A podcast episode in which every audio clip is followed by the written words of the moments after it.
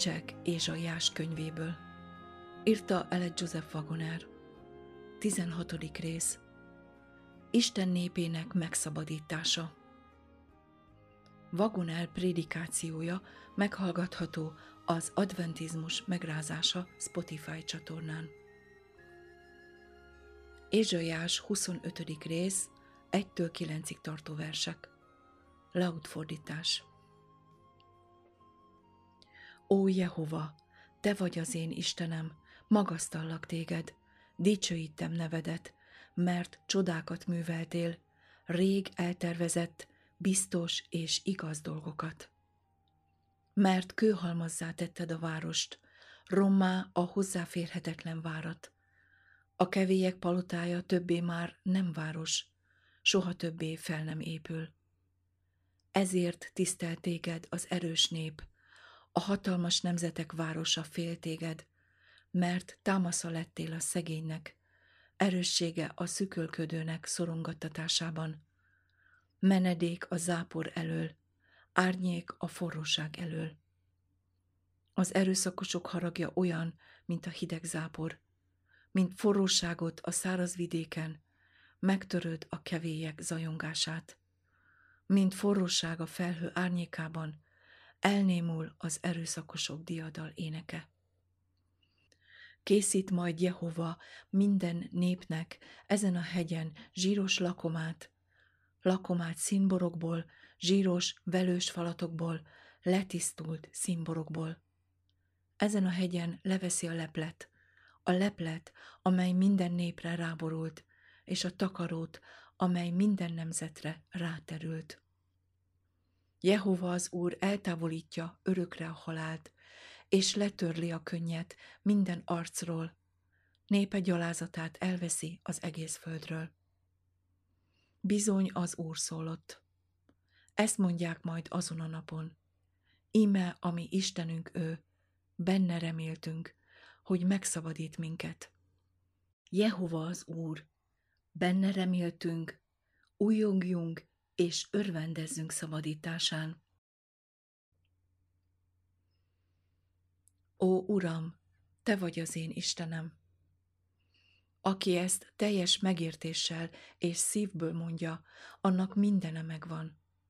Semmiért nem elégedetlenkedik, semmi sem aggasztja, semmi sem kelthet benne félelmet. Olvassátok el a 2 Mózes 34. rész 6.-7. verseit, hogy megtudjátok, mi az Úr.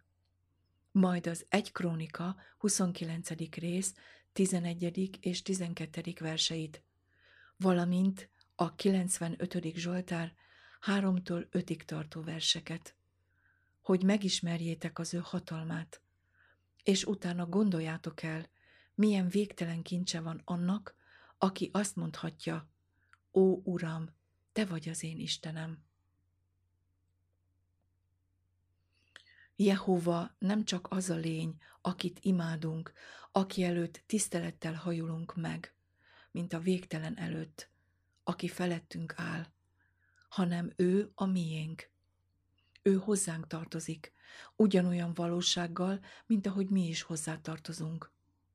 Az Úr az én osztályrészem és poharam, te tartott kezedben sorsomat. 16. Zsoltár 5. vers mindazoknak, akik befogadták Krisztust, akik hisznek az ön nevében, hatalmat adott, hogy Isten gyermekeivé legyenek. János 1.12 Hit által Isten gyermekeivé válunk, és ha gyermekek, örökösök is. Örökösei Istennek, örökös társai pedig Krisztusnak, ha valóban vele együtt szenvedünk, hogy vele együtt dicsőjünk meg. Róma 8.17 Hit által Isten természetének részeseivé válunk, ahogyan Krisztus is egy ő vele.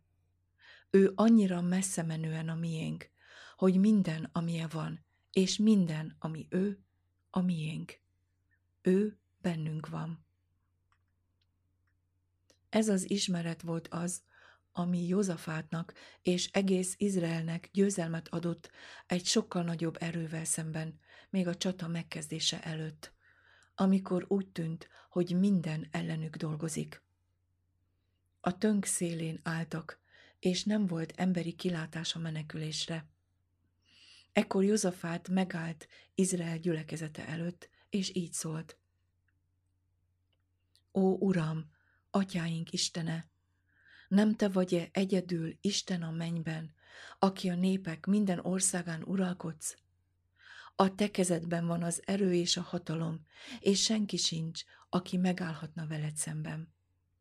2 Krónika 26 Az, hogy Isten a mennyben van, azt mutatja, hogy ő mindenek felett áll, és mindent megtesz, amit csak akar. 115. Zsoltár, harmadik vers. Számára semmi sem túl nehéz, és egyetlen ellenség sem állhat ellene. Ezért, amikor Józafát hozzátette, nem te vagy-e a mi Istenünk? Ő már is győzelmet aratott. És ez azért volt így, mert Isten az övé volt, ezért mindenki, aki ellene támadt, az Úr ellen is támadt, és a bukásuk egyértelmű volt. Ezért, amikor a hitből fakadó imája elhangzott, megkapta a bizonyosságot. Ne féljetek, és ne rettegjetek e nagy csokaságtól, mert nem ti harcoltok velük, hanem Isten. Nem is kell nektek harcolnotok, hanem csak álljatok veszteg, és meglátjátok, hogyan szabadít meg titeket az Úr. 2 Krónika 20, 15. és 17. verse. Isteni a győzelem. Szabadulást szerzett jobbja az ő szentséges karja. 98. Zsoltár, első vers. Amikor hitáltal azt állítjuk, hogy ő a miénk, akkor bizonyítjuk, hogy a hit az a győzelem, amely legyőzte a világot. Csodákat műveltél. Az ő neve csodálatos. Ézsaiás 9.6. Tehát természetéből fakad, hogy csodálatos dolgokat tesz. Mindent, amit tesz, az mind csodálatos. A csodák kora Isten kora. Istenem, szent a te utad, ki olyan nagy Isten, mint a mi Istenünk. Te vagy az Isten, aki csodát művelsz, megmutattad hatalmadat a népek között. 77. Zsoltár, 14. 15. verse. Sokat tettél értünk, Uram Istenem, csodáiddal és terveiddel. Nincs hozzád hasonló. Hirdetném és elbeszélném, de több az annál, sem hogy felsorolhatnám. 40. Zsoltár, 6. vers. Ezért énekeljetek az Úrnak új éneket, mert csodálatos dolgokat tett. 98. Zsoltár, első vers fenségedről, fényes dicsőségedről és csodálatos dolgaidról elmélkedem. 145. Zsoltár, 5. vers.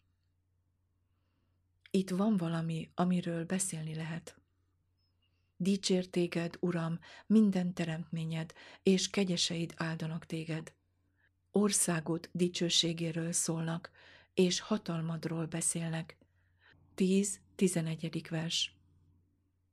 Ha az emberek mindig ezt tennék, olyan dolgok, mint a csüggedés vagy a félelem, ismeretlenek lennének. Rég elgondolt tanácsod, hűség és igazság. Mindkét szónak, hűség és igazság ugyanaz a gyökere, amit mi Ammennek angolosítottunk. A szó jelentése álhatatosság, határozottság, szilárdság, változtathatatlanság. Tehát így olvashatjuk. Rég elgondolt tanácsod, amen és amen, vagy ahogy Laut fordítás visszaadja, rendíthetetlenül igaz. Jézus Krisztus az Amen, a hű és igaz bizonyság, jelenések 3.14. Az ő neve a tanácsos is, Ézsaiás 9.6. Így Isten valamennyi ígérete ő benne lett igenné, és ő benne lett ámenné. 2 Korintus 1.20 Isten minden ígéretének középpontjában egyetlen nagy ígéret áll, nevezetesen Krisztus eljövetelének ígérete. Ő még akkor sem hagyja figyelmen kívül ígéretét, ha a hitetlenek azt gondolják, hogy így van. 2 Péter 3, 3 és 4. vers, és a 9. vers. Ez Isten célja a világ kezdete óta, és ő mindent az ő akaratának tanácsából munkál. Efézus 1.11 Ígéretei rendíthetetlenül igazak. Hűsége megalapozott az égben. 89. Zsoltár, harmadik vers. Így Krisztus eljövetelének ígérete olyan igaz, mint maga a menny. Az égi testek mindig hűségesek a meghatározott időpontjukhoz. Aki figyeli a mozgásokat, az tudja, hogy másodpercre pontosan betartják a beállított idejüket. Ugyanígy lesz Krisztus dicsőséges eljövetele is, az ítélet és megváltás véget. Isten, ami oltalmunk és erősségünk, igen biztos segítség a nyomorúságban. 46. Zsoltár, második vers.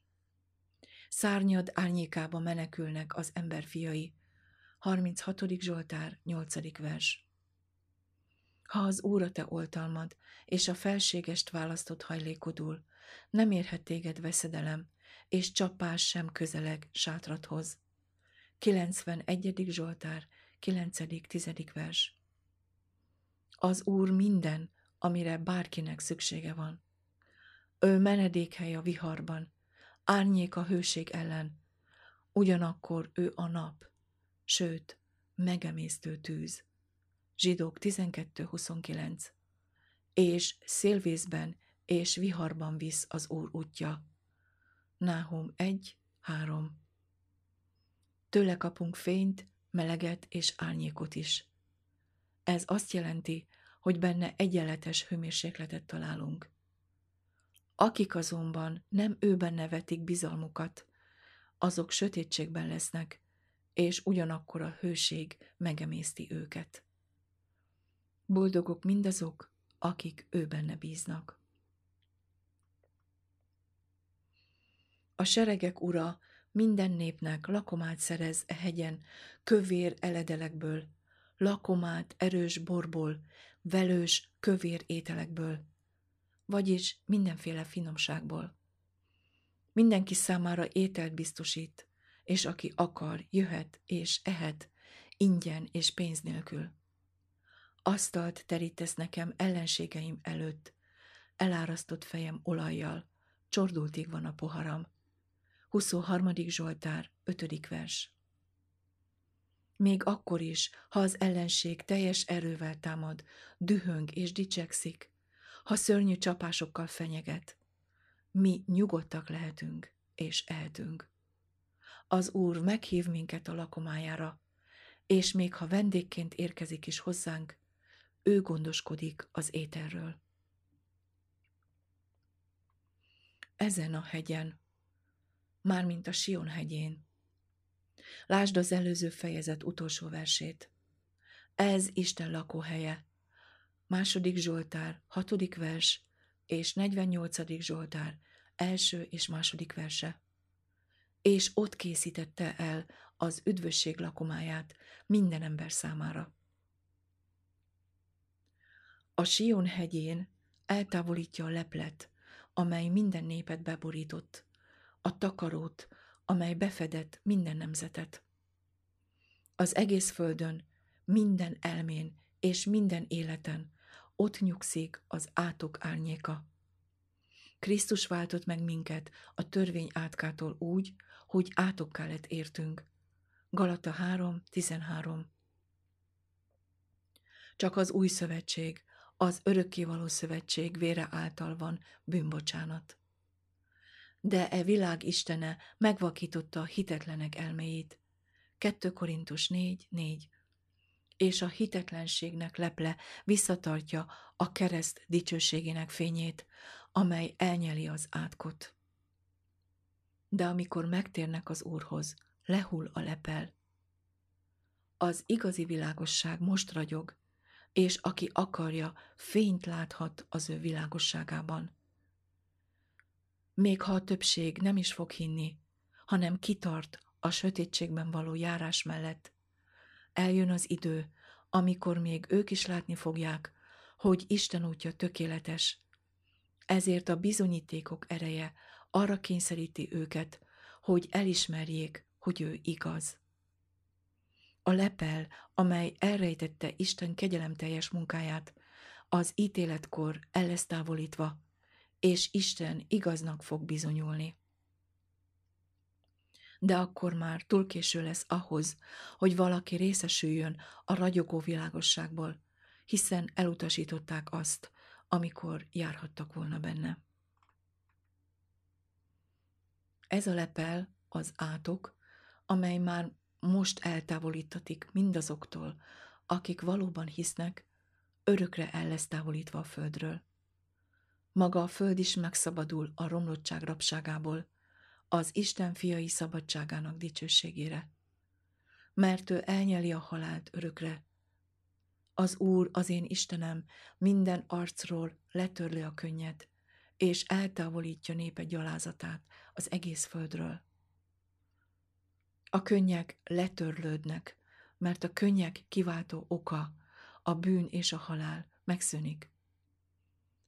Hasonlítsátok össze a jelenések 21. rész 1-től 5-ig tartó versekkel a világosabb bizonyítékért, hogy Ézsaiás proféciájában részletesen le vannak írva azok a dolgok, amelyekről az új szövetség csak röviden számol be. Elnyeli a halált örökre. A szó szerinti fordítás elnyeli a halált az örökké valóságban, vagy örökre. Az 1 Korintus 15. rész 54. versében ugyanezt olvassuk, és ott a görög nyelvben egyértelműen győzelem áll, míg a héber nyelvben ugyanilyen egyértelműen az örökké valóság szót használja. Jelent ez valamilyen ellentmondást, vagy ellentétet a két szövegben? Egyáltalán nem. Csak arra mutat, hogy a két szónak ugyanaz a jelentése. Ahhoz, hogy a győzelem teljes mértékű legyen, örökkévalónak kell lennie. Egy látszólagos győzelem, amely nem örökkévaló, nem is győzelem. A győzelmet, amelyet Isten ad Jézus Krisztus által, az örökkévalóságra szól, mert amit Isten tesz, az örökkévaló. Prédikátor harmadik rész, 14. vers.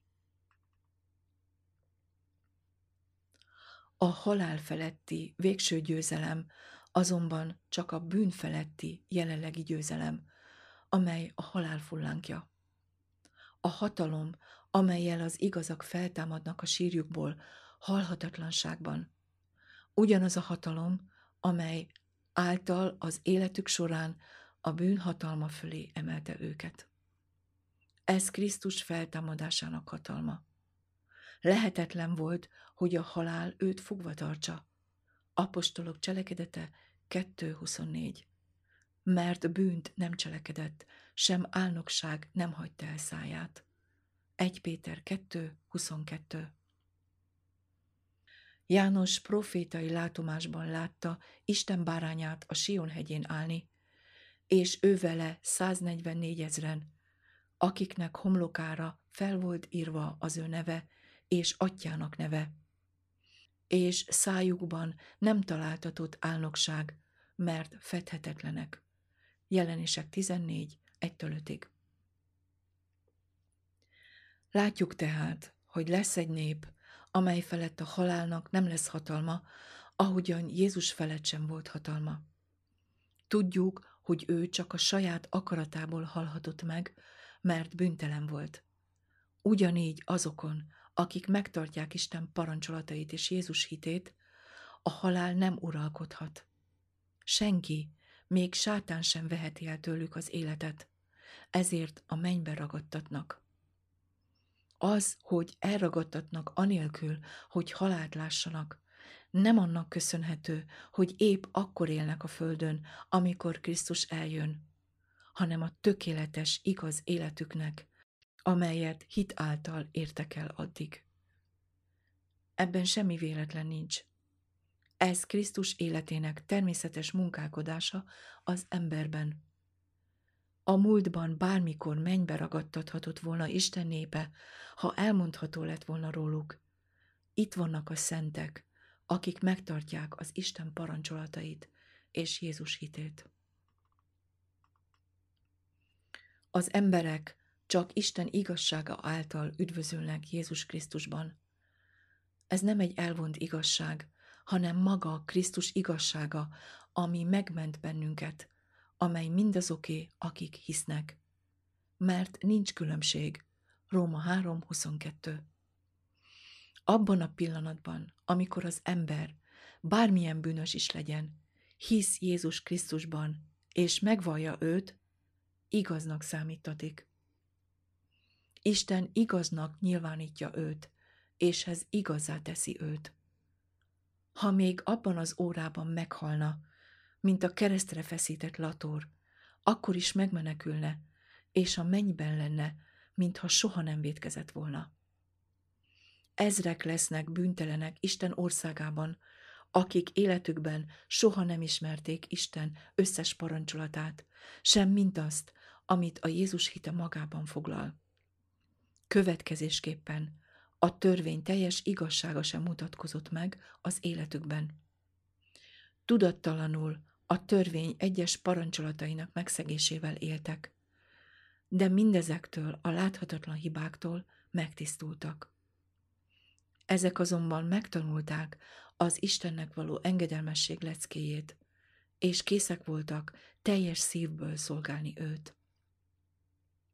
Ezért beléphetnek a mennybe, és semmiképpen sem fogják eltorzítani annak harmóniáját, mert amint meglátják Isten igazságosságának teljességét, örömmel magukhoz fogadják azt. Ha azonban minden igaz, ilyen módon üdvözülne, ez alkalmat adna az atyafiak vádolójának, aki vádolja őket éjjel és nappal, ami Istenünk előtt. Azt mondani, Isten nem tudja teljesen tökéletessé tenni az embereket ezen a világon. Ezért kénytelen őket a mennybe vinni, és távol tartani sátán kísértéseitől, hogy így tegye tökéletesen igazzá őket. Bizonyítékként szembe lehetne helyezni őt Krisztus esetével, aki minden kísértése ellenére abszolút tökéletes életet élt.